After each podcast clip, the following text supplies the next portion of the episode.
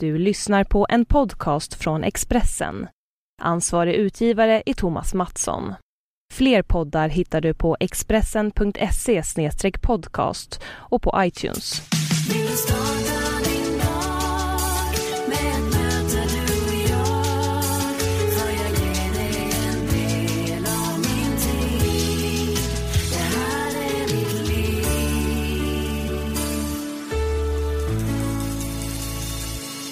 Varmt välkommen till Livshjulet. Vi har kommit fram till avsnitt 116 och även idag har jag tagit med mig min bärbara utrustning utanför Expressenhuset för att träffa veckans gäst. Ja, det blir ju lite sämre ljudkvalitet när vi inte spelar in i studio, men eftersom många av mina gäster antingen har semester eller är upptagna med sommarturnéer eller liknande så får du stå ut med lite brus i bakgrunden ett par veckor till framöver. Jag heter Anna Hegerstrand och vill du komma i kontakt med mig hittar du mig på Hegerstrand på Instagram eller på min blogg på expressen.se Anna Hegerstrand. Och podcasten den görs i samarbete med Expressen men du lyssnar lättast i Acast-appen eller på iTunes. Nu ska vi släppa på veckans gäst och det är författaren, journalisten och konstnären Elisabeth Höglund. Vi träffades hemma hos henne tisdagen den 21 juli. Och varsågoda. Gillar du att sitta på andra sidan? Jag vill hellre sitta på den sidan där du sitter. Eller du, menar, jag, du menar om jag vill sitta, tycker om att sitta på andra sidan en journalist? Ja, det tycker jag är roligt. Det har jag gjort väldigt mycket. Uh, ibland kändes det, i början kändes det väl lite konstigt att vara den som blev intervjuad. Men det är en roll som jag vet att som följer med då kändisskap och erfarenhet och sådär. Så att, så att det får man lära sig. Och jag är bra på att prata så att uh, det är inget problem. Är det inte lätt att ta över intervjun själv? Nej. Och granska den som intervjuar? Nej, jag ifrågasätter aldrig den som intervjuar. Om, det, om inte den personen ställer oerhört korkade frågor och, och väldigt obegripliga frågor. Vad menar du med det? Eller vad, vad, vart vill du komma med den här frågan? Men eh, oftast så är de flesta intervjuare så pass, vet ju ungefär vad de ska fråga om. Så att jag har ingen anledning att ifrågasätta intervjun och jag tycker det är också ett makthavartrick det här att för det gör man ju bara för att vinna tid. Att, vad menar du med det? Eh, det är för att man inte vill svara på en fråga som, man är, som är obehaglig. Men jag har ingenting att dölja. Jag, har ingen, jag, jag, anser, jag tror inte att du kommer att ifrågasätta mig eh, som person. Utan jag, nej, jag försöker inte lära upp intervjuaren att intervjua. Utan eh, jag svarar på den, de frågor jag får. Men du sa att du känner dig bekvämare att sitta på den här sidan. Nej, nej, nej. Vill du byta? Nej, det spelar ingen roll. Jag sitter, jag sitter alltid där och läser och sådär. Men nej, men det gör absolut ingenting. Du sitter gärna där. Det kan vara bra att få ett nytt perspektiv Ja, kanske. precis. Ja. Vi kan ju berätta för lyssnarna att vi sitter hemma hos dig. Ja. I Tungelsta, i ditt lilla, vad säger man, timmerhus? Timmerhus. Torp, fast det är lite utbyggt, förstorat torp kan man säga. Torp, för, torp format större om du nu säger någonting, men det är ungefär 100, 150 kvadratmeter. Från början var det väldigt litet men det har byggts ut i många om, olika omgångar. Hela tiden i gammal stil. Gamla, gamla timmerväggar, gamla timmerstockar. Bosse har gjort väldigt mycket av tillbyggnaderna. Eh, så att nu är det lite större men ändå väldigt trångt. Fruktansvärt trångt. Vi har så mycket prylar. Hur länge har ni bott här? Ja, jag hade, köpte det här som sommarställe då när det var väldigt litet. Då var det inte mer än en tredjedel av den här ytan. Mindre till och med. Det gjorde jag 1984 och sen så, då var jag ju singel fortfarande. Och sen 1989 så bestämde jag mig för att flytta ut hit permanent. Så jag har bott här permanent sedan 1989. Det är alltså 26 år sedan. Sen så träffades Bosse och jag 95 och ja, han flyttade väl successivt in till mig då under den hösten och sen ja, vintern 96 och så gifte vi oss då 96 på sommaren och sen ja, då flyttade vi sen till Bryssel i och för sig i tre och ett halvt år men sen ja, sen, ja, vi har ju bott här hela tiden efter det. Ja, det har varit er bas. Ja, hela tiden och eh, vi har ju ett ställe, jag har ju köpt ett ställe, eller köpte för en 15 år sedan 13 år sedan ett, ett, ett, en bergsmansgård i, ja bergsmansgård låter skrytsamt men en liten gård i eh, Bosses gamla hemtrakter i Nora kommun.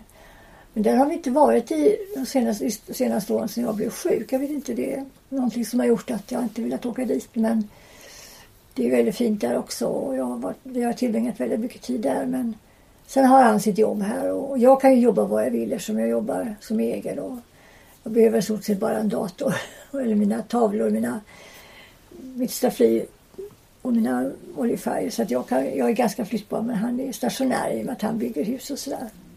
Det har blivit väldigt mycket, särskilt i år har det blivit väldigt mycket att vi har varit här i Tungelsta. och inte och jag köpte en lägenhet i Spanien då förra vintern och eh, där är vi ibland också.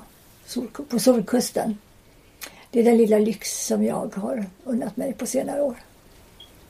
Men att eh, göra en sån här grej och bli mm, bosatt i Spanien på vintrarna? Nej, det har jag inte. Ja, alltså på vintrarna vet jag inte. Det är rätt så kallt där på vintrarna också. Men eh, det är väl ett sätt att förlänga den svenska sommaren tror jag. Att ha ett ställe där nere. Att åka till, nu ska vi åka ner den första september och vara där i 12 dagar. Och sen kanske man kommer åka ner lite senare i höst. Jag har rätt mycket att göra i höst så att jag hinner inte åka så tidigt. Men, men det är ett sätt att förlänga sommaren och få våren att komma lite tidigare om man säger så. Man åker tidigt på våren. Så att det, men att eh, bo där nere har jag aldrig ens, har inte ens föresvävat mig. Det vill jag inte. Jag vill ha min bas i Sverige och jag trivs jättebra här. Och, och den här svenska naturen som jag älskar och som ger mig inspiration i alla avseenden. Men det är kul att kunna komma bort någon gång då och liksom bara lämna allt och komma till en helt ny miljö. Men det är ingenting som jag eftersträvar ska, ska bli någon permanent lösning på något sätt. Jag blev lite förvånad att du bodde så pass långt ut i skogen. Du känns som en person som bor i stan. Ja, jag uppfattas väl som en Södermalmsbrud. Men jag har aldrig varit det. Det närmaste jag har bott stan det är Solna.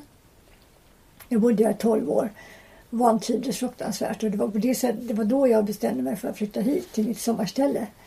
Jo, men jag tror att det har att göra med att jag är anpassningsbar. Jag, jag, jag har ju jobbat, jag menar jag bor ju här men jag har ju alltid jobbat i Stockholm och, och utanför Stockholm naturligtvis på resor och så men men eh, nej men jag är, jag är en dubbelnatur tror jag. Eller ganska ja, splittrad natur eftersom jag egentligen är en lantis innerst inne.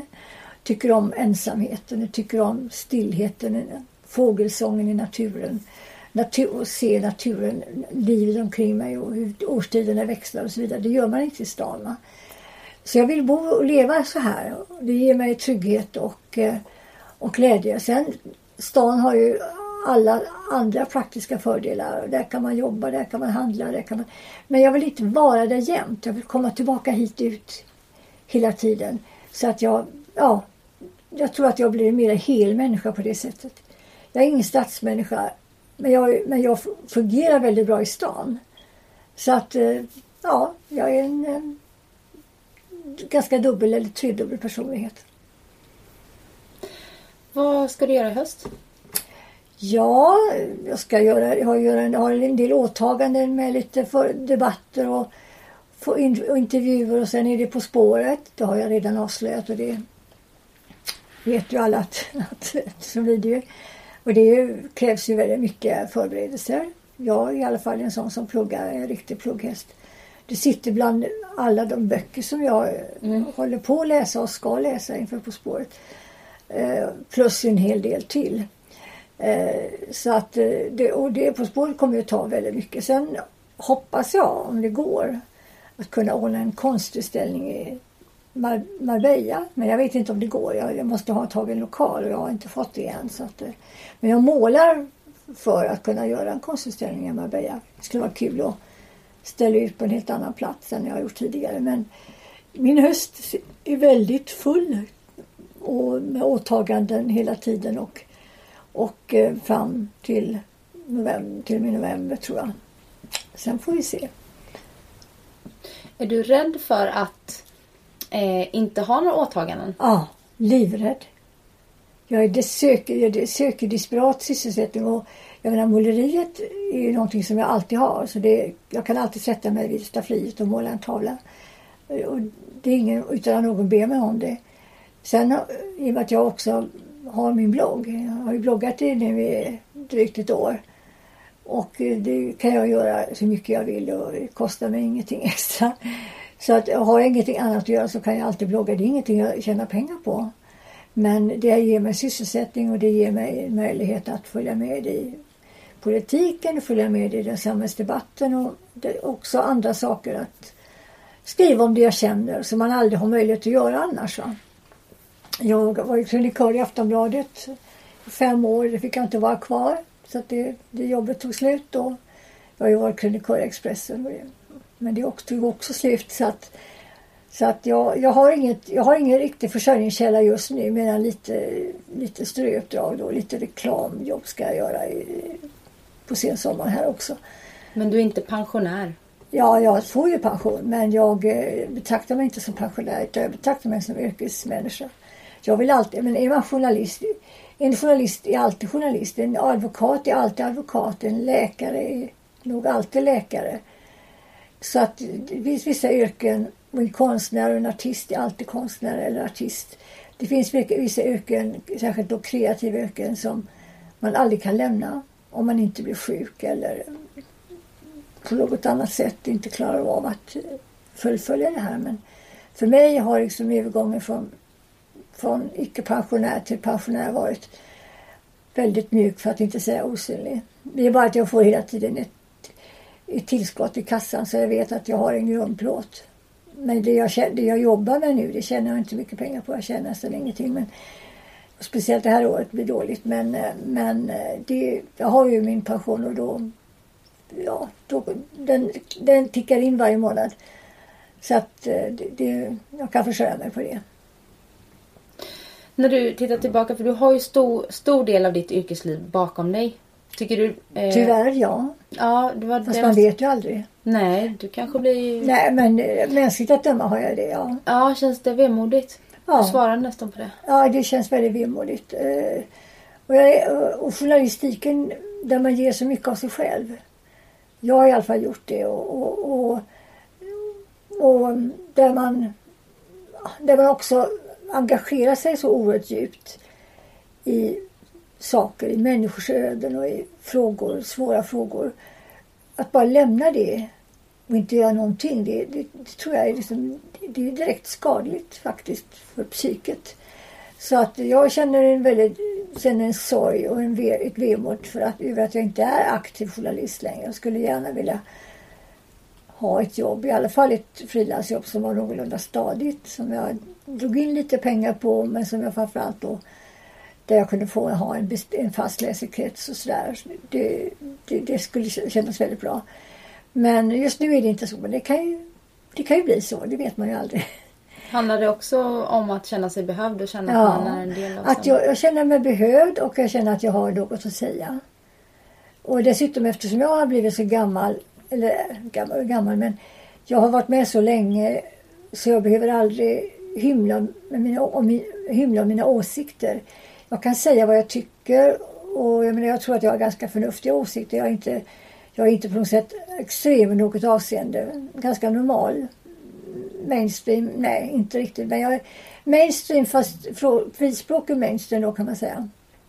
Men jag har mycket, jag har mycket åsikter och jag tycker att jag, min, jag tycker faktiskt, jag, även om det låter skrytsamt, att min röst eller min penna kanske man ska säga, eller min dator som jag nu skriver på, det, den behövs faktiskt i den svenska debatten. Jag känner det och, och eh, jag vill att det ska vara så också.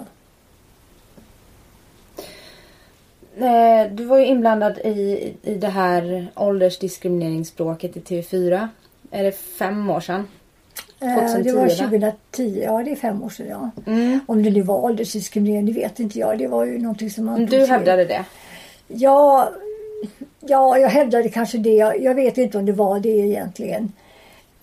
Det är så lätt att ta till en sån där klyscha därför att man måste hitta en förklaring till vad som händer. Men jag tror det snarare var så att jag kände, ja, jag kände att vi var så oerhört olika. Det, det, menar, det var ingen kritik mot dem men jag kände att vi passade liksom inte ihop. Och sen tyckte jag själva programmet var det var ett livsstilsprogram men det var alldeles för ytligt och alldeles för flamsigt. Och, och jag kände att jag ville ju ville göra ett journalistiskt program men det tycker inte jag att jag fick.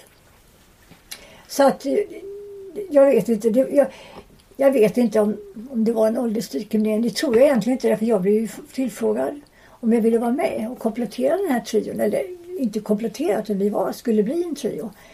Med personer, tre kvinnor från lite olika, med olika bakgrund. Så, ja. att, så att det var igen, jag tror inte det var en åldersdiskriminering utan det var också så att jag drog till med det för att hitta en förklaring eller, eller ha en enkel förklaring till att det hände. Men jag, jag, tror, att med, jag, jag tror att jag bär en del, efterhand kan jag säga att jag själv nog bär en ganska stor skuld, eller en del av skulden till att det blev som det blev.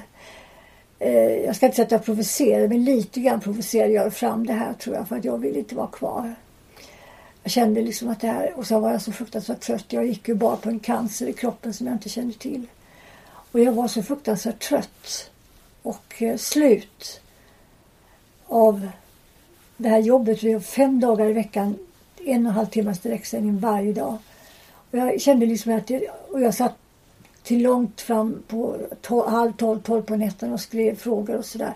Och jag kände att jag orkar. Jag blev precis nästan utbränd. Jag orkade inte. Och sen har jag förstått att, att det var ju den här sjukdomen, då, den här cancern som växte i mig som gjorde att, att det blev så här. För det blir bara värre och värre sen. Men som sagt, jag, jag tror att jag ville nog ha, alltså det var så här, jag drev nog fram en situation som jag själv egentligen ville ha. Jag ville inte vara kvar. Jag orkade inte jobba med det här. Jag tjänade otroligt bra, aldrig tjänat så bra hela mitt liv. Så att på sätt och vis var det dumt att sluta. Men samtidigt var det en begränsad tid. Det var bara några månader kvar. Sen skulle jag ändå inte ha fortsatt på hösten. Men eh, och sen var det väl så att det här var för annorlunda från vad jag är van vid. Jag är samhällsjournalist, jag är polisjournalist. Jag, jag orkar inte hålla på med, med liksom skönhetskrämer och, och liksom botox och, och ja, kläder. Men jag, tycker det, jag är road av det som privatperson men jag, tycker inte, jag är inte road av det som ett journalistiskt eh, ämne. Men eh, ja, jag har det bakom mig. Det var, det var inte, det, det, är inte mina, det, det är ingenting jag är stolt över på något sätt. Snarare tvärtom så tycker jag att det är något jag helst inte vill prata om. Det var inte någon framgångsrik del av mitt liv. Att du tog jobbet? Eh, ja, nej, alltså jag visste ju, jag trodde ju att det skulle bli annorlunda än det var. Jag blev väldigt glad när jag blev tillfrågad därför att det var ju en effekt av Let's Dance att jag plötsligt blev så folkkär. Mm. Så att då fick jag alla möjliga slags e- erbjudanden att göra saker. Det här kändes då som ett spännande erbjudande och dessutom väldigt bra betalt. Och och det var ett fast jobb som ändå på, skulle pågå till att börja med ett år. Sen visste man ju inte om det skulle förlängas. Så jag hade inga...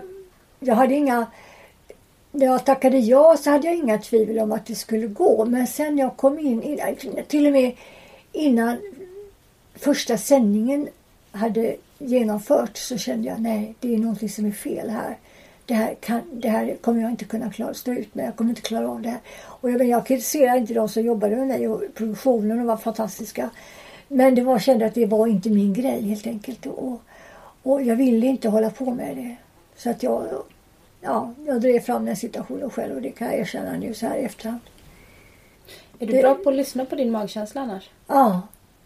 Ja, alltså jag jobbar ju ofta för mycket. Alltså, jag, menar, jag lyssnar inte alltid på de signaler som min kropp sänder ut. Och det gjorde jag väl, ja, det gjorde jag väl kanske då egentligen. Eftersom jag kände att jag var så trött. Men annars är jag bra. Jag har en bra magkänsla. Jag, jag har en väldigt bra intuition. Ett sjätte sinne. Jag känner för mycket tror jag. Liksom, stämningar omkring mig. Och det är inte heller riktigt bra för då, då kan man liksom ibland drabbas av konspiration eller förföljelsemani och konspirationsteorier och sånt där. Jag känner att herregud, de gillar inte mig, de vill bli av med mig och sådär. Men lite grann, ja, jag är lite för lyhörd för signaler utifrån. Och det är väl på gott och ont. Men har du, menar du att du har eh, haft förföljelsemani? Och jag har alltid haft förföljelsemani. Och det tror jag, hela mitt liv har jag känt att folk vill åt mig och folk vill mig illa och sådär. Och det tror jag har sin grund i att jag redan sedan jag var fyra år var mobbad. Jag började bli mobbad hela, som på ett barnhem. Min syster och jag var på när min mamma var sjuk. Och, då, och sen så fortsatte det. Jag var överviktig, kraftigt överviktig som barn. Och, eh, och jag blev retad i skolan och mobbad hel, under hela skoltiden. Och, sen, och det tror jag... Och jag var så rädd för alla. Rädd för att bli förföljd och rädd för att bli trakasserad. Så ofta gick jag omvägar och så där för att slippa möta människor som jag visste skulle kasta glopor på mig. Så jag tror att där grundlade jag någon form av förföljelsemani eller för, för, någon form av rädsla för konfrontation. Och det har förföljt mig. Jag har alltid känt liksom att jag har, menar de verkligen det de säger eller är det någon som nu har de planer bakom min rygg och sådär. Så jag, jag, jag är nojig alltså kan man säga. Det har jag alltid varit. Fast jag försöker kontrollera det. Men, men ja, det, och det tror jag har, har att all, alltså det som händer under ens första år har ju oerhört stor betydelse för hur man utvecklas som person resten av livet. Sen försöker man ju då med sitt förnuft och sin intelligens intala sig att det är inte så. Det behöver inte vara så men eh, så man balanserar de här känslorna men de finns där hela tiden. De ligger liksom nästan nere i, i, nästan i generna. Har hamnat där nästan. Och när det gäller tilliten, då undrar jag det här, hur har det påverkat dina relationer? Ja, tillit... Jo, men jag, det är nog både och tror jag. Det finns ju då de människor jag har känt mig skeptiska för. Det är klart att där har ju tilliten varit låg. Men sen har jag ju då eh, vänner som jag kan lita på. Inte många. Jag säger som de flesta, jag har bara några få vänner. Och jag har inte så många bekanta längre heller i och med att jag lever väldigt mycket ensam. Men, eh, nej, men jag har nog tillit till dem som, som dels mina uppdragsgivare då, som jag jobbar och har jobbat åt och mina vänner och min man. Jag kan säga det, det, är inte, det är inte så att jag misstror alla. Men jag har ofta en känsla, jag har ofta en rädsla för att ja, men de vill mig illa på något sätt. De vill skada mig, de vill ha bort mig. Eller... Eh. Men jag försöker då säga, nej Elisabeth, tänk inte så. Du måste liksom förstå att eh, du är uppskattad och älskad. Och, och det vet jag att jag har varit. Så att, så att eh, ja. Det, jag har lyckats balansera det. Och du har ju alltid varit en väldigt eh, högpresterande mm. eh, yrkeskvinna. Och du säger själv att du är en plugghäst. Du läser... Mm. Och det skäms jag inte för heller. Nej. Men att, att de här höga, har du höga krav på dig själv? Alltid. Självklart. Mm. Minutiösa krav. Och var kommer de ifrån? Då? Ja, det kommer från min barndom också. Min mamma ställde oerhört stora krav på mig själv, på mig och på sina döttrar. Framförallt på mig då. Eh, att jag skulle klara allting, att jag skulle vara bäst i skolan, att jag skulle klara allting bäst. Och, och eh, hon kontrollerade alltid. Men jag var duktig i skolan så jag hade aldrig några problem. Jag behövde aldrig oroa mig för att inte leva upp till hennes förväntningar. Men nu var det ju så att hennes förväntningar var, var ju alltid här uppe och mina prestationer var kanske där. Höga men inte så höga som hennes krav. Så att jag har alltid haft hennes krav, även sedan hon dog, hängande över mig. Att prestera så att hon blev nöjd. För hon var, jag hade en väldigt elak mamma på det sättet men samtidigt var hon väldigt bra som person. Men hon var oerhört elak och krävande mot sina barn och jag fick, jag fick ju stryk med mattpiska när man var liten och var lite olydig. Vi var inte särskilt olydiga men hon tyckte att vi var olydiga och sådär. Men eh, så jag menar det Samtidigt kan jag säga att jag tackar ju henne för det. Att hon ställde de här kraven. För det gjorde ju att jag också eh, ställde, började ställa de här kraven på mig. Och det förklarar ju också en del av mina framgångar. Eh, att jag, för jag menar, menar nog att mina framgångar har jag inte någon annan att tacka för än mig själv. Eh, jag har inte haft någon mentor. Jag har aldrig haft någon som har liksom pushat mig eller liksom dragit fram mig. Utan jag har alltid kämpat själv. Ofta slagit huvudet, med panna blodig. Eh, och fått motstånd och jag har inte allt, alls alltid fått göra det jag har velat och jag har inte alls nått så långt som jag egentligen skulle ha kunnat göra. Men jag har, det jag har gjort, det har jag gjort av egen kraft och det känner jag mig väldigt glad över. Och det tror jag, det tror jag min mamma min mamma tackar för mycket. Också naturligtvis det hon, det hennes gener som finns i mig naturligtvis.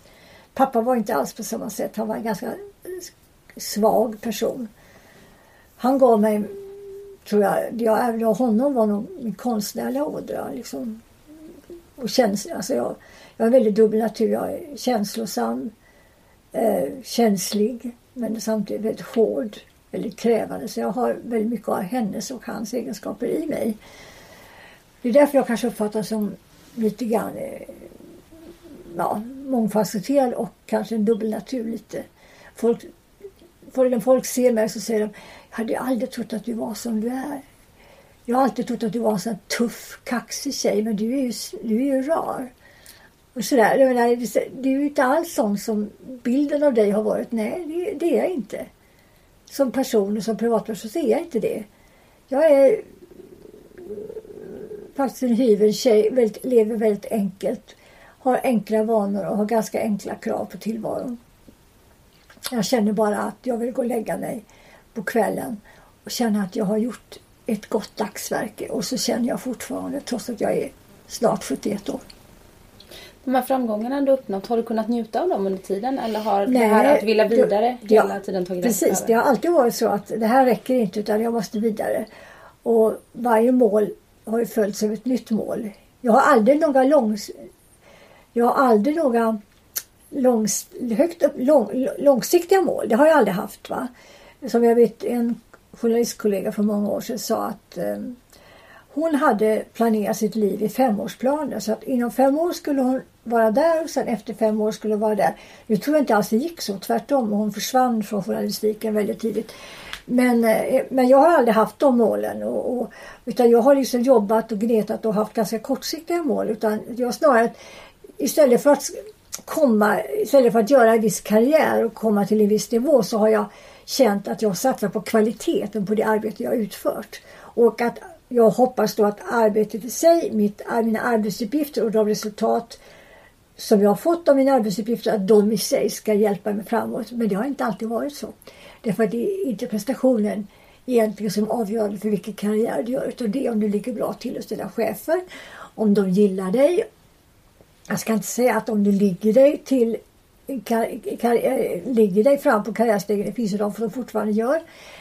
Jag ska inte säga att, att det att, men jag, att jag har jag naturligtvis aldrig gjort. Men det finns de som fortfarande gör det, det vet jag. Och, eh, men det, det, och jag menar, det är aldrig någon som har bett mig eller frågat mig om det eller ställt det som villkor. Men jag har heller, jag har heller aldrig liksom inbjudit till detta. Utan jag har alltid gått min egen väg och eh, jag har försökt och hoppas att jag, om jag gör ett bra jobb så ska jag belönas för detta. Men det, det har jag blivit ibland men jag har oftast inte blivit belönad. Men det kan ha sett ut så. Om man tittar på prestationen. Men jag har inte fått en löneförhöjning eller befordran eller fått ett finare jobb på grund av det. Utan jag, och det kanske är det sköna med journalistiken att det du gör, det syns. Folk ser, om jag gör ett bra tv-reportage, då ser folk det och då kan folk bedöma om det är bra eller dåligt. Sitter jag som kanslichef på någon myndighet, då är det ingen annan som ser vad jag gör mer än mina chefer. Så att det är det skillnaden mellan det här de här kreativa jobben vi har som dessutom är väldigt offentliga. Allt som vi gör syns. Och det är, det som är, det är naturligtvis en, en fördel men det kan också vara en väldigt nackdel när vi gör dåliga saker. vi, och det har jag ju gjort också.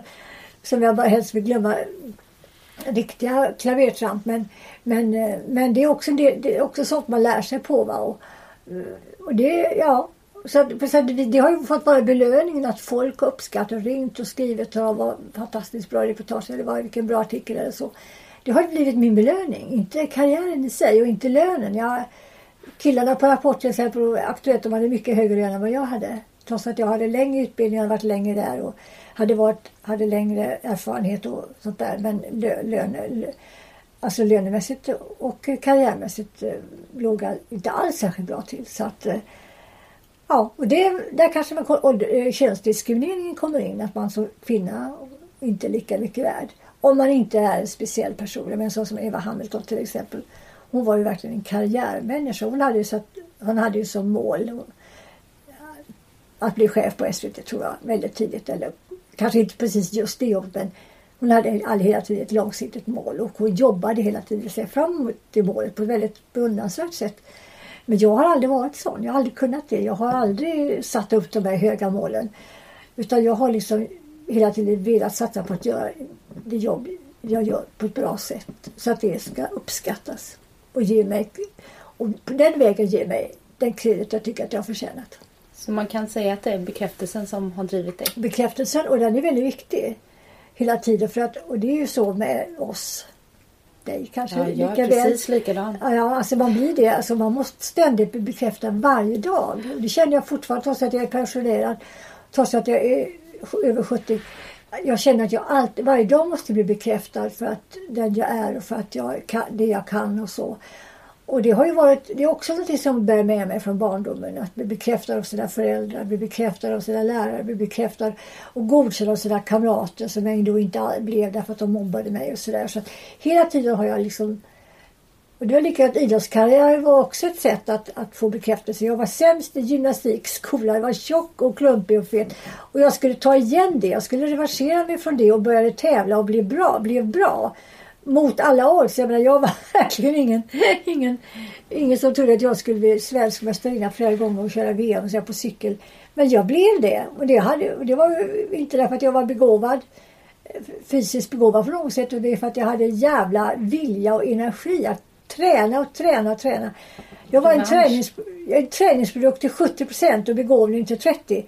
Men jag tror att det är de som det är de som går långt också. De som har den här viljan att träna. Begåvningen och talangen är bra men det räcker inte.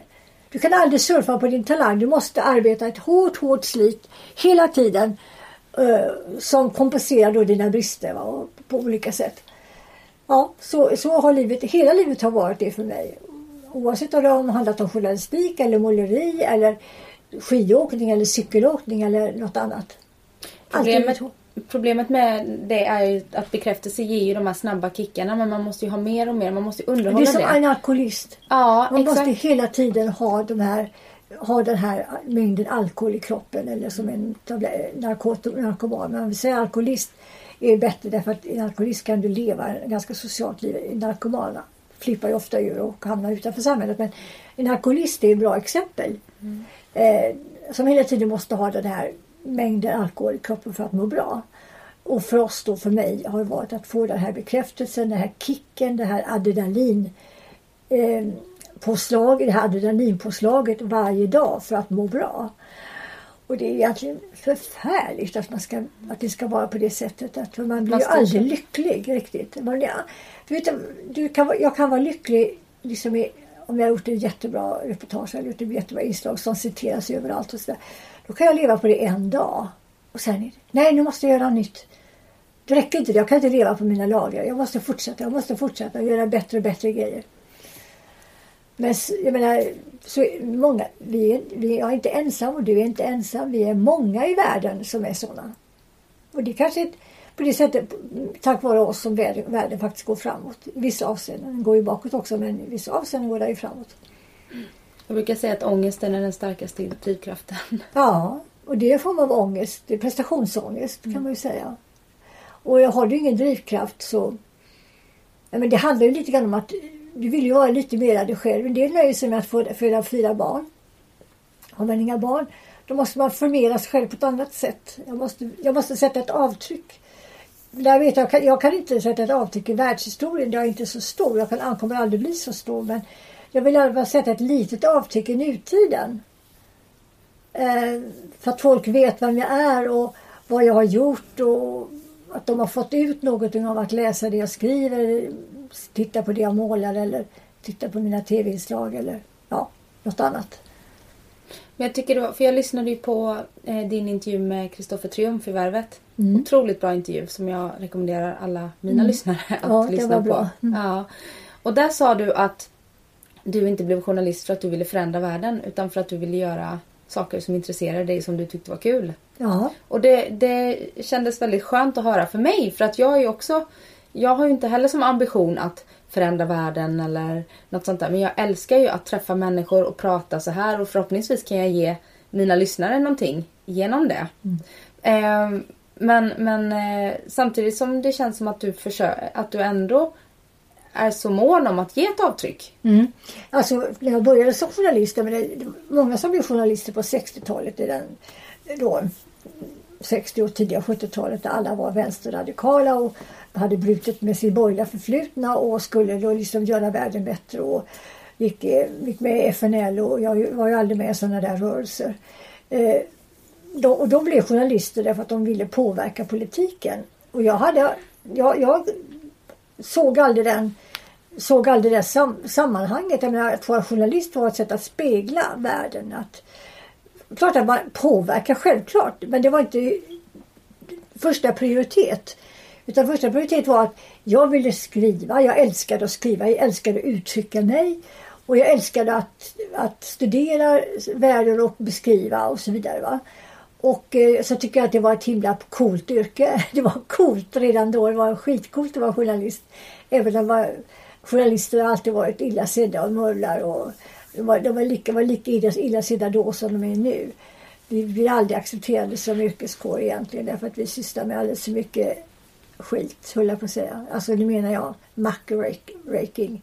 Nu talar jag inte om den struntjournalistiken som pågår idag i, i, i media och på, på, sociala medier. För det, det, det är skräpjournalistik tycker jag. Men det finns ju fortfarande god journalistik. Men det är mycket grävare, mycket muckraking och sådär.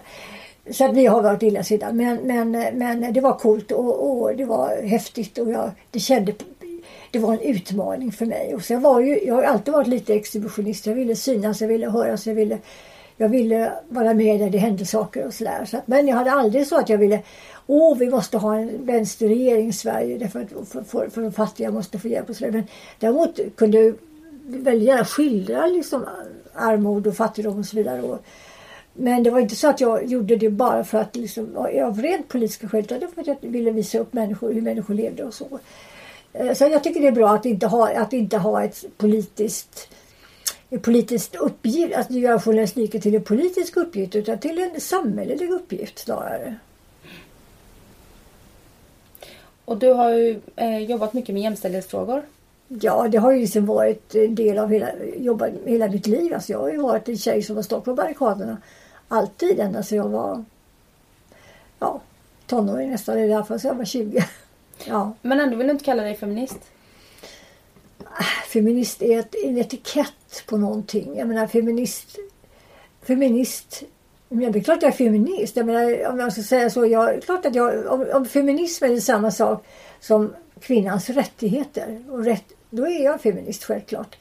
Men jag tycker feminist har ju blivit på något sätt någonting som alla kallar sig därför att det ska vara så. Ungefär som att man är, att man är icke-rasist eller man är eller man är inte homofob eller något att man är liksom, det, det, det, vi har så lätt för att sätta etiketter på allting. Och när män börjar kalla sig för feminister bara för att de ska få fler röster i ett val, då tycker jag det börjar gå lite långt. Nej, men jag kallar mig gärna feminist, men, jag, men det betyder att jag inte manshatar. Jag anser att män och kvinnor tillsammans, och där kanske jag skiljer, skiljer mig lite från mina medsystrar. Män och kvinnor tillsammans måste förändra världen till ett, till ett jämställt till ett jämställt till, till jämställd värld så att säga där vi lever sida vid sida och där vi kan utnyttja våra, våra, våra begåvningar, där vi inte ska förtryckas, där vi har rättvisa villkor. Så det, det, det är självklarheter tycker jag. Eh, sen vad man kallar det, det tycker jag är mindre viktigt. Och sen, jag menar, man kan inte heller påtvinga, jag tycker inte heller man kan påtvinga vare sig man eller kvinna en roll man inte gillar. Eh, Hur menar du då? Ja, men alltså jag vill inte... Eh, eh, om, det, det, finns ju kvinnor som tycker, tycker om att, att ta ut den bästa föräldraledigheten till att vara hemma hos sina barn. det tycker jag de ska ha rätt till. Man ska inte tvinga. Men, sen tycker jag i och för sig är bra med kvoterad föräldraförsäkring och sådär. För att men vi kan inte komma någon vart om man inte har vissa tvångsmetoder. Därför att det går, går alldeles för långsamt. Eh, Utveckling om man inte, om inte samhället och politiken på något sätt pushar på. Så jag tror dessutom är det bra i och för sig med kvotera föräldraförsäkring men samtidigt ska man inte man ska inte man ska inte göra människor till sådant som de inte mår bra av att leva i. Men jag, inte, jag kan inte förklara, jag tycker jag är en svår fråga. Men, nej, men jag säger så här, jag är feminist, jag, är, jag har varit en så kallad kvinnosakskvinna, så hette det ju, hette det på 70 och 80-talet kvinnosakskvinna har kämpat för kvinnans rättigheter och som jag har sett som självklara därför att jag vet att jag själv har varit mycket mer begåvad än många män jag har mött i mitt liv. Och jag förstår inte jag varför jag ska ha mindre rättigheter. Om jag är mer begåvad och duktig och prester mer presterande än en man. Så att eh, det, det, finns liksom, det finns ingen anledning att, att ett, ett kön ska förtryckas eh, därför att ett annat ska, ett, ett, det andra könet ska få en upphöjelse. Det är en rättvisefråga helt enkelt. Mm. Eh, du har ju aldrig skaffat några barn. Nej, och det, skaffa barn låter så, Nej, så, så tekniskt. Ja. Nej, det har inte blivit så. Det har inte blivit så? Nej, jag ville... Nej, men jag... Jag flyttade hemifrån ganska sent. Jag var 25 år. Jag ville inte bo hemma så länge. Men mina föräldrar tvingade mig att bo hemma därför att de... Jag betalade... Jag betalade en bra summa för att jag fick bo hemma och den, de pengarna ville de ha. Och så jag fick inte flytta hemifrån. Men jag flyttade lyckades då flytta hemifrån när jag, jag var 25 år och blev värvad till idrottsklubben Ymer i Borås. Och jag var väldigt strängt hållen hemma under alla år. Och, ja, det var fasansfullt på många sätt. Men i alla fall när jag äntligen blev fri därifrån och kunde flytta till en annan ort. Då blev jag så lycklig över att jag var fri. Ah, jag är äntligen fri. Jag, jag är fri från denna fruktansvärda fångenskap som det är att vara eh, vuxen kvinna i, i, sina, i sitt föräldrahem. Det var fruktansvärt. Eh, jag kunde inte göra någonting. Jag, kunde, jag blev kontrollerad i alla avseenden. Jag kunde inte träffa killar. Jag kunde inte göra någonting för att min mamma kontrollerade allt jag gjorde. Och så när jag äntligen blev fri, då kände jag Åh, jag vill alltid vara fri och jag måste få vara fri. Därför den här frihetskänslan har, alltid, har, alltid, har jag alltid levt med. Jag har aldrig, jag har aldrig, liksom, jag har alltid velat vara oberoende nu. Och jag kände så här, jag måste framförallt lära mig att vara oberoende av en man. Jag ska inte låta en man försörja mig. Jag måste lära, lära mig att försörja mig själv. Jag måste lära mig att leva mitt liv. Skulle jag då av någon anledning träffa en man som jag vill leva med så à la bonheur, då gör jag det. Men ingen ska tvinga in mig i en, i en mall eller i en form som inte passar mig. Och jag kände framförallt att jag njöt så av min frihet. Och det gjorde att jag helt enkelt tappade bort en del av det här med att föda barn, att skaffa familj. Jag träffade killar och hade korta förhållanden men det var ingenting som ledde fram till någonting och det kan jag beklaga efterhand. När jag var 40 år kände jag herregud, det är snart slut. Snart kommer jag inte att kunna få barn. Hur ska jag göra nu? Och jag ville gärna ha barn. Jag ville ha en liten dotter. Hon skulle heta Jenny, hade jag bestämt mig för. Eh, och så tänkte jag, hur, hur, hur ska det gå till? Och jag har ju ingen man. Och, och sen fick jag också myom på livmodern. Alltså jag fick sådana muskelknutor. Då var jag 41 år. Eh, och eh, jag genomgick då en operation. De tog inte bort livmodern men de tog bort muskelknutarna. Men min gynekolog sa efteråt att eh, du kommer aldrig kunna få barn eftersom din livmoder är så svag så den kommer aldrig kunna bära, orka bära ett foster i nio månader. Och då gav jag upp. Då kände jag liksom att det var ingen idé. Jag skulle ändå bara få missfall. Och så träffade jag Bosse flera år senare och då var det ju redan för sent. Så att eh, vi hade kunnat få barn tillsammans om vi hade träffats tio år tidigare kanske. Det hade blivit fina barn, tror jag. Har han barn? Nej. Ingen av oss för vidare våra gener vidare och det är sorgligt. Men vi lever, med, lever för varandra istället då. Och jag ska säga inte säga, jag, alla frågar mig om, du har inte gjort det men många gör det, saknar du inte barn? Ja, man kan ju inte sakna det man aldrig har haft. va. Eh, samtidigt känner jag att jag skulle bli en alldeles för överbeskyddande morsa om jag skulle få barn. Jag skulle inte låta den här ungen liksom gå i två steg utan att jag hela tiden övervakade honom eller henne. Så jag kanske skulle bli för jobbig morsa om jag blev mamma. Jag kanske inte alls skulle bli någon bra mor. Jag kanske inte alls skulle ge det här barnet den frihet som jag längtade efter att få. Jag vet inte. Jag är ju lite kontrollfreak också va. Så att eh, jag vet inte men jag sörjer inte över det. Jag tycker att jag har kompenserat det här. Om nu det är människans viktigaste uppgift att fortplanta sig, vilket det egentligen rent biologiskt sett är. Det viktigaste är inte att skriva bra artiklar, att hålla bra tal, utan det är att föra släktet vidare. Om man ska se det strikt biologiskt så har jag inte uppfyllt det här kravet utan jag, jag lämnar, mina gener kommer inte gå vidare i något avseende, inte min mans heller. Men jag får leva, leva med det. Eh, jag har gjort, det är därför jag försöker göra saker, andra saker prestera andra saker som kan leva, kanske kan leva vidare några år. Några tavlor till exempel. Kanske jag ska skriva några böcker till som kan leva vidare. Men, eh, men mina gener kommer inte att leva vidare på det sättet eh, i den här biologiska meningen. Men ah, man klarar inte av allting här i livet. Det är så. Ja, jag har ställt så stora krav på mig själv i alla avseenden. Men det har jag inte lyckats med. Att föda barn, det har jag inte gjort. Det, Ja, det, det är en brist. Det är en sorg. Men jag gråter inte över det. Jag, har inte, jag var väldigt ledsen då för jag var i 40-årsåldern att det inte blev någonting. Men jag kan inte heller säga att jag valde bort barn. Jag menar, det, det, var, detta skedde omedvetet. Den här frihetskänslan var så underbar att leva med. Att jag inte ville binda mig. Och jag tänkte inte på barn förrän det, blev för, förrän det nästan var för sent. Det är ju kvinnans, det är ju, det är ju helvete för kvinnan att, hon, att hennes fortplantningstid är så kort. Egentligen ska man inte föda barn efter 40 för man inte, kan inte vara säker på att barnen blir riktigt friska. Och har, har man passerat 40 då är det, ja, i vissa undantag så är det nästan kört. Medan mannen kan avla barn tills han är 80-90 och så länge han får snoppen att stå och det finns ju Viagra dessutom. och hans, å andra sidan, mannens spermaproduktion blir sämre och sper, spermierna blir sämre och sämre kvalitet på så att det är inte bra att, att avla barn när man är för gammal heller. Framförallt har man ingen tid med sina barn. Nej, och orkar inte. Man har ingen tid och man orkar inte leva, ta hand om barn när man är, börjar närma sig 60-70. Alltså, man, man är, kroppen är ju lite grann förbrukad. Man, man, har, man har sjå med att klara sin, egen, sitt eget liv. Ska man då sitta och sköta ett eller två eller tre andras liv också? Men jag hoppas att världen förlåter mig att jag inte har fött några barn utan ändå att jag kan få lite uppskattning för det andra som jag har gjort.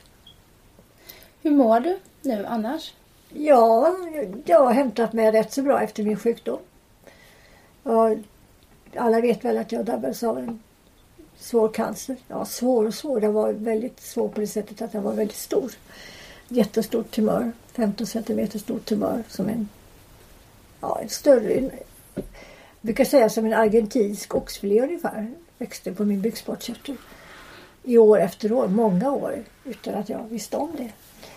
Eh, så jag var sjuk i många år. Jag var säkert sjuk under Let's Dance. Och, men jag visste inte det. Jag hade bara lite konstiga, jag fick bara konstiga sjukdomsanfall med kräkningar och sånt där som jag inte visste vad det berodde på. Men det berodde på det här. Nåväl, men det opererades ju bort och sen höll jag på att dö på grund av komplikationer efter operationen. Jag fick alla slags infektioner man kan få. Eh, tre blodförgiftningar och, och eh, idag är hur många människor som helst som dör av en blodförgiftning till exempel. Jag klarade mig tack vare att jag fick antibiotika. Och jag... Flera, lung, flera lung, proppar i lungorna och hjärt, hjärt, lungsäcksinflammation och, och bukhinneinflammation, gallblåsinflammation, hål på magsäcken och hål på tarmarna och allt sånt där. Och allt rann ut. Och, och jag höll på att dö av det då. Så att jag var, jag var en millimeter från att dö natten mellan den 5 och 6 juli 2011. Då hade mitt liv kunnat sluta.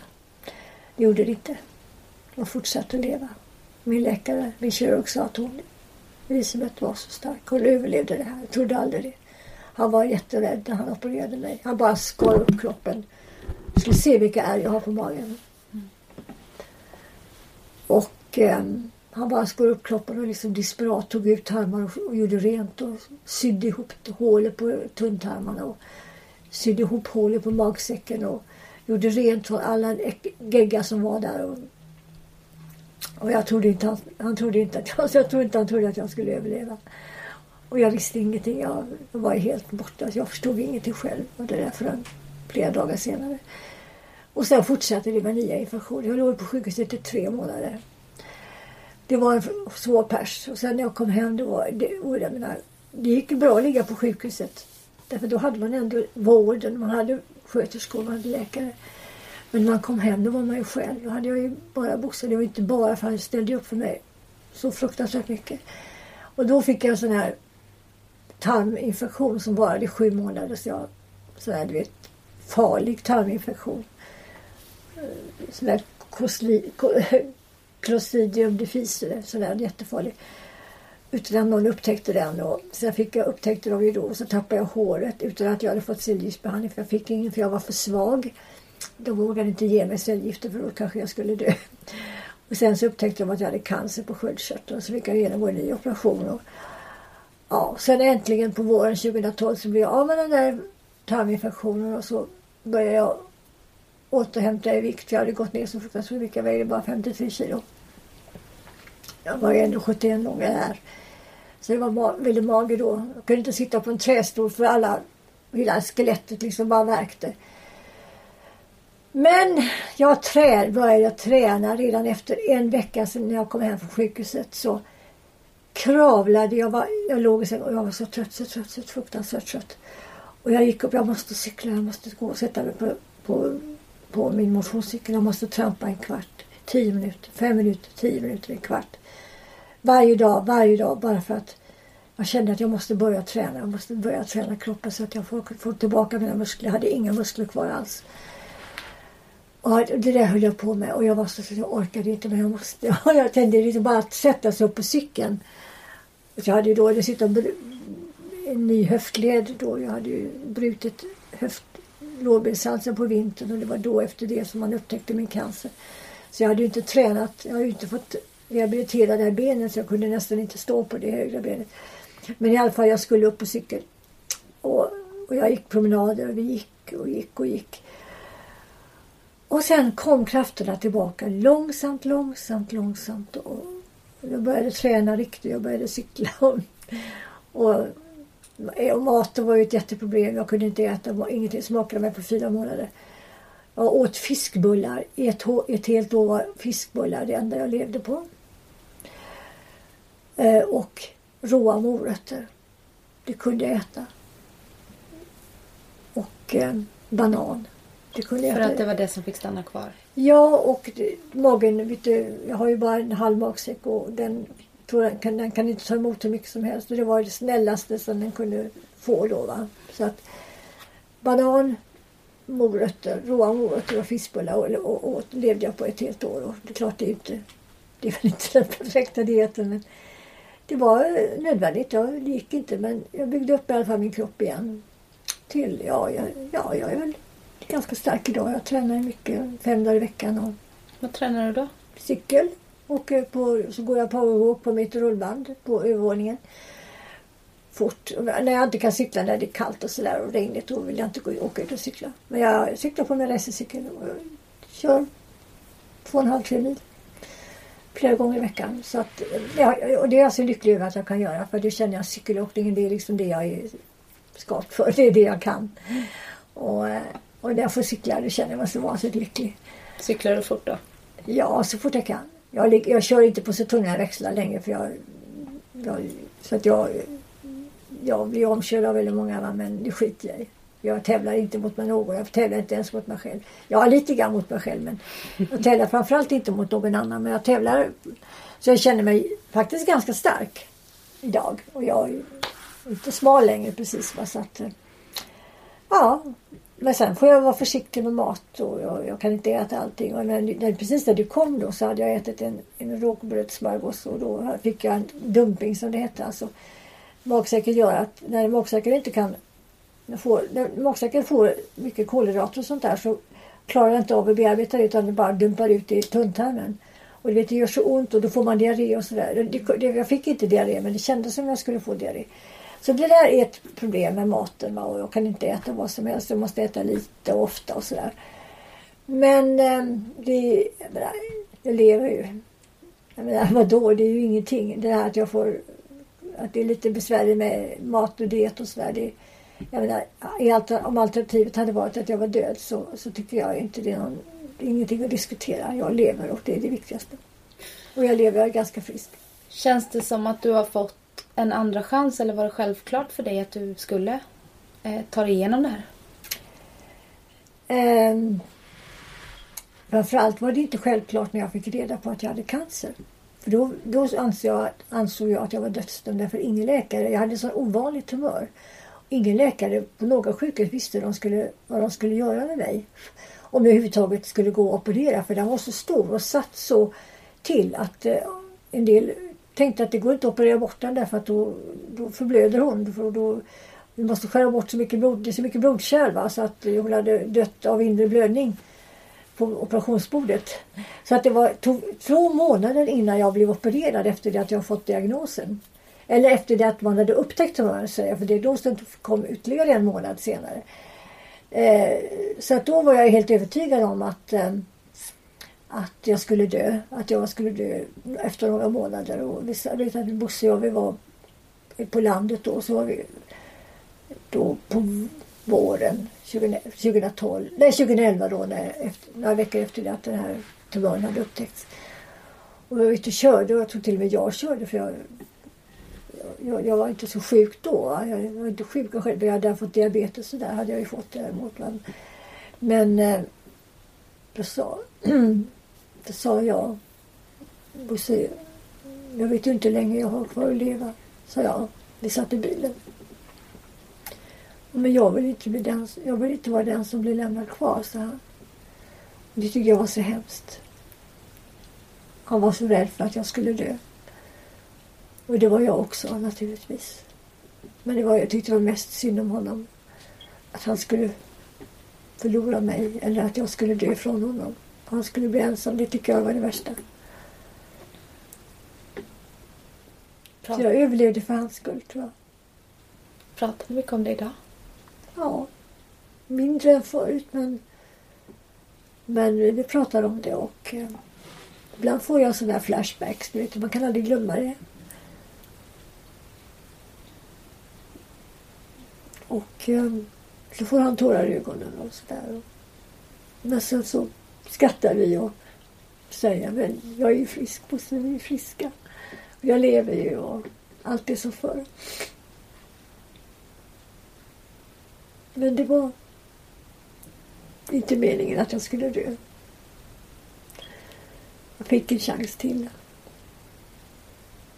Och jag tror att jag överlevde för att jag var så stark. Fysiskt stark. Psykiskt stark också. Ja, psykiskt stark. Jag knäcktes ju psykiskt. Jag har ju fått gå på ångestdämpande medicin hela tiden. Det gör jag fortfarande. För att, för att hantera de här rädslorna, de här flashbackarna som kommer och sådär. Då måste man ha något som att ta faktiskt. Det är ingen som kan anklaga mig för det. Då, lever jag, då känner jag mig normal och känner mig glad. Och klubbar, tänker inte så mycket på det där. Men det finns ju hela tiden kvar. Det finns det någonstans inom mig hela tiden. Och, eh, men eh, sen vill inte läkarna skriva ut sånt där så det, det är ett problem längre fram. Om jag, kan få, jag vill inte få depression. Jag måste få, måste få leva utan depression. Har du tagit hjälp utifrån? Ja, jag fick... Prata? Ja, jag var då efter operationen då på, på, vår, på vintern 2012 då fick jag remiss till en, en psykolog, på, en psykiater på Radiumhemmet. De har då psykiater där för personer som har med cancer. Många behöver ju prata av sig och sådär. Men jag fick då dels en psykoterapeut alltså en, och en psykiater då som var läkare. Men det, jag tyckte de hade ingenting att ge. De, jag ville prata om min cancer. De pratade bara om vad, vilka mediciner jag skulle ta för att jag inte skulle få ångest. Mm. Och, ehm, och, vilka, och jag, menar, jag sa jag, jag vill prata om hur det är att ha gått igenom en canceroperation och ha varit nära döden. Men jag vill, jag vill bearbeta det i, i samtal men det, kunde, det klarar de inte av. Och så till och med den här psykoterapeuten hon frågade mig vad har du för syn på alkohol? Ja, så jag dricker nästan väldigt lite alkohol. Aldrig druckit särskilt mycket alkohol. Kanske dricker något, ett eller två glas i veckan. Hur, varför frågar du det? frågade jag. Ja, alkohol kan ju ibland ha samma effekt som ångestdämpande medicin. Ja, men jag vill inte bli, dricka alkohol så jag, för att eh, bli fri från min ångest. Men du får inte uppmana mig att bli Jag kan bli alkoholist, sa jag.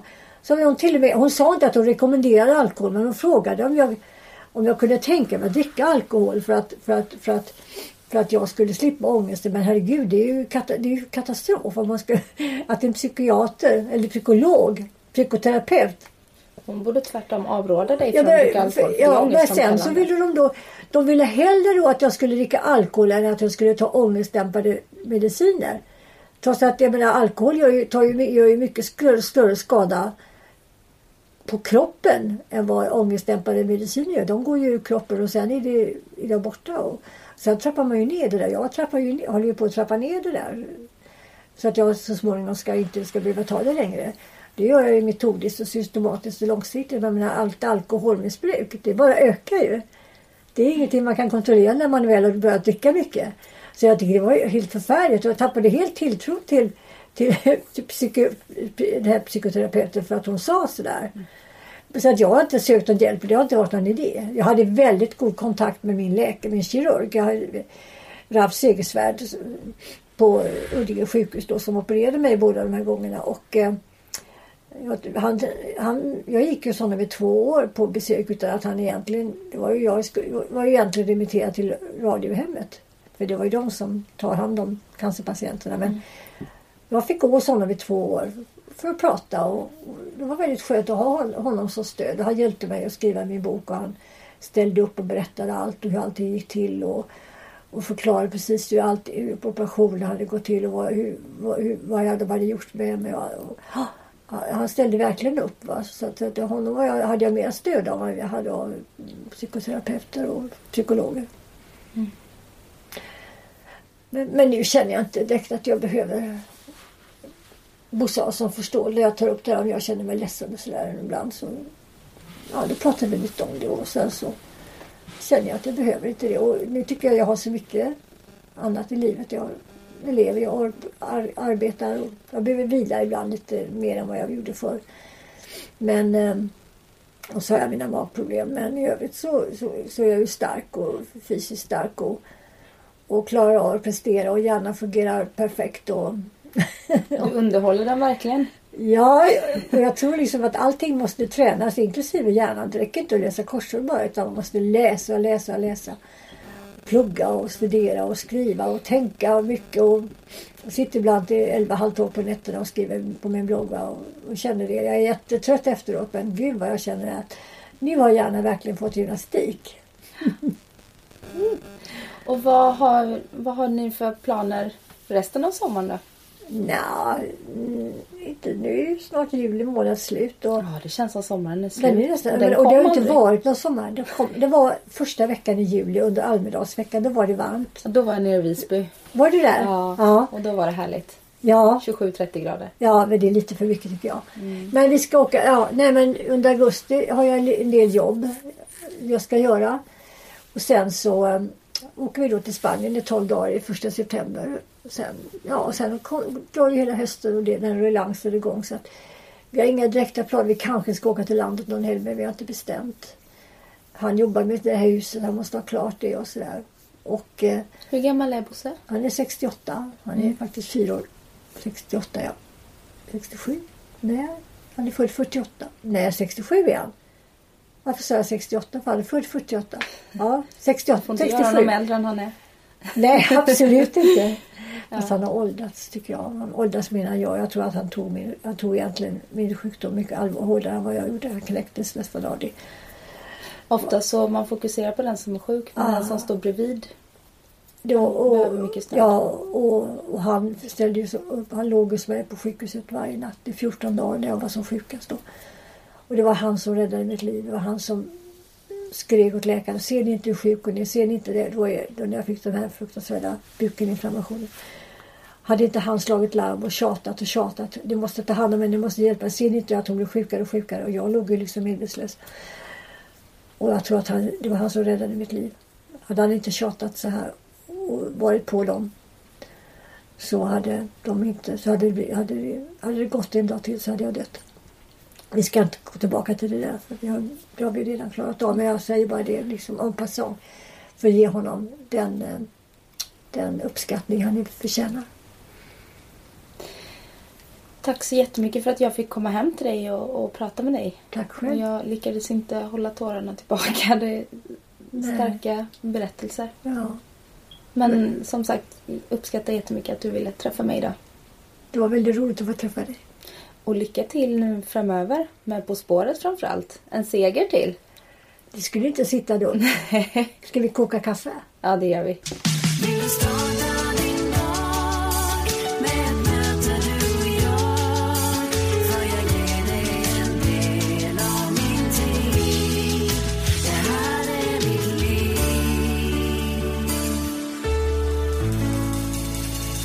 Du har lyssnat på en podcast från Expressen. Ansvarig utgivare är Thomas Mattsson. Fler poddar hittar du på expressen.se podcast och på iTunes.